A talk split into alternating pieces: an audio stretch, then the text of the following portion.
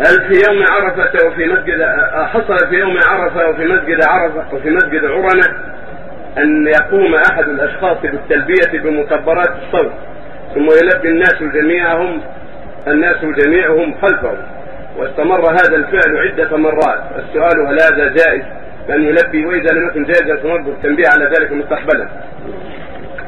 تلبية مشروع على الجميع كل يلبي على حدته أما كونه يلبي ليذكر الناس من باب التنفيذ والتنبيه لا من باب التكبير الجماعي ولا التلبيه الجماعية فالتنبيه للمخاطب عند غفله الناس ليسمعوا لا ما له في بأس. أما يكون تلبيه جماعية في اصوات مجتمعه فلا. طيب.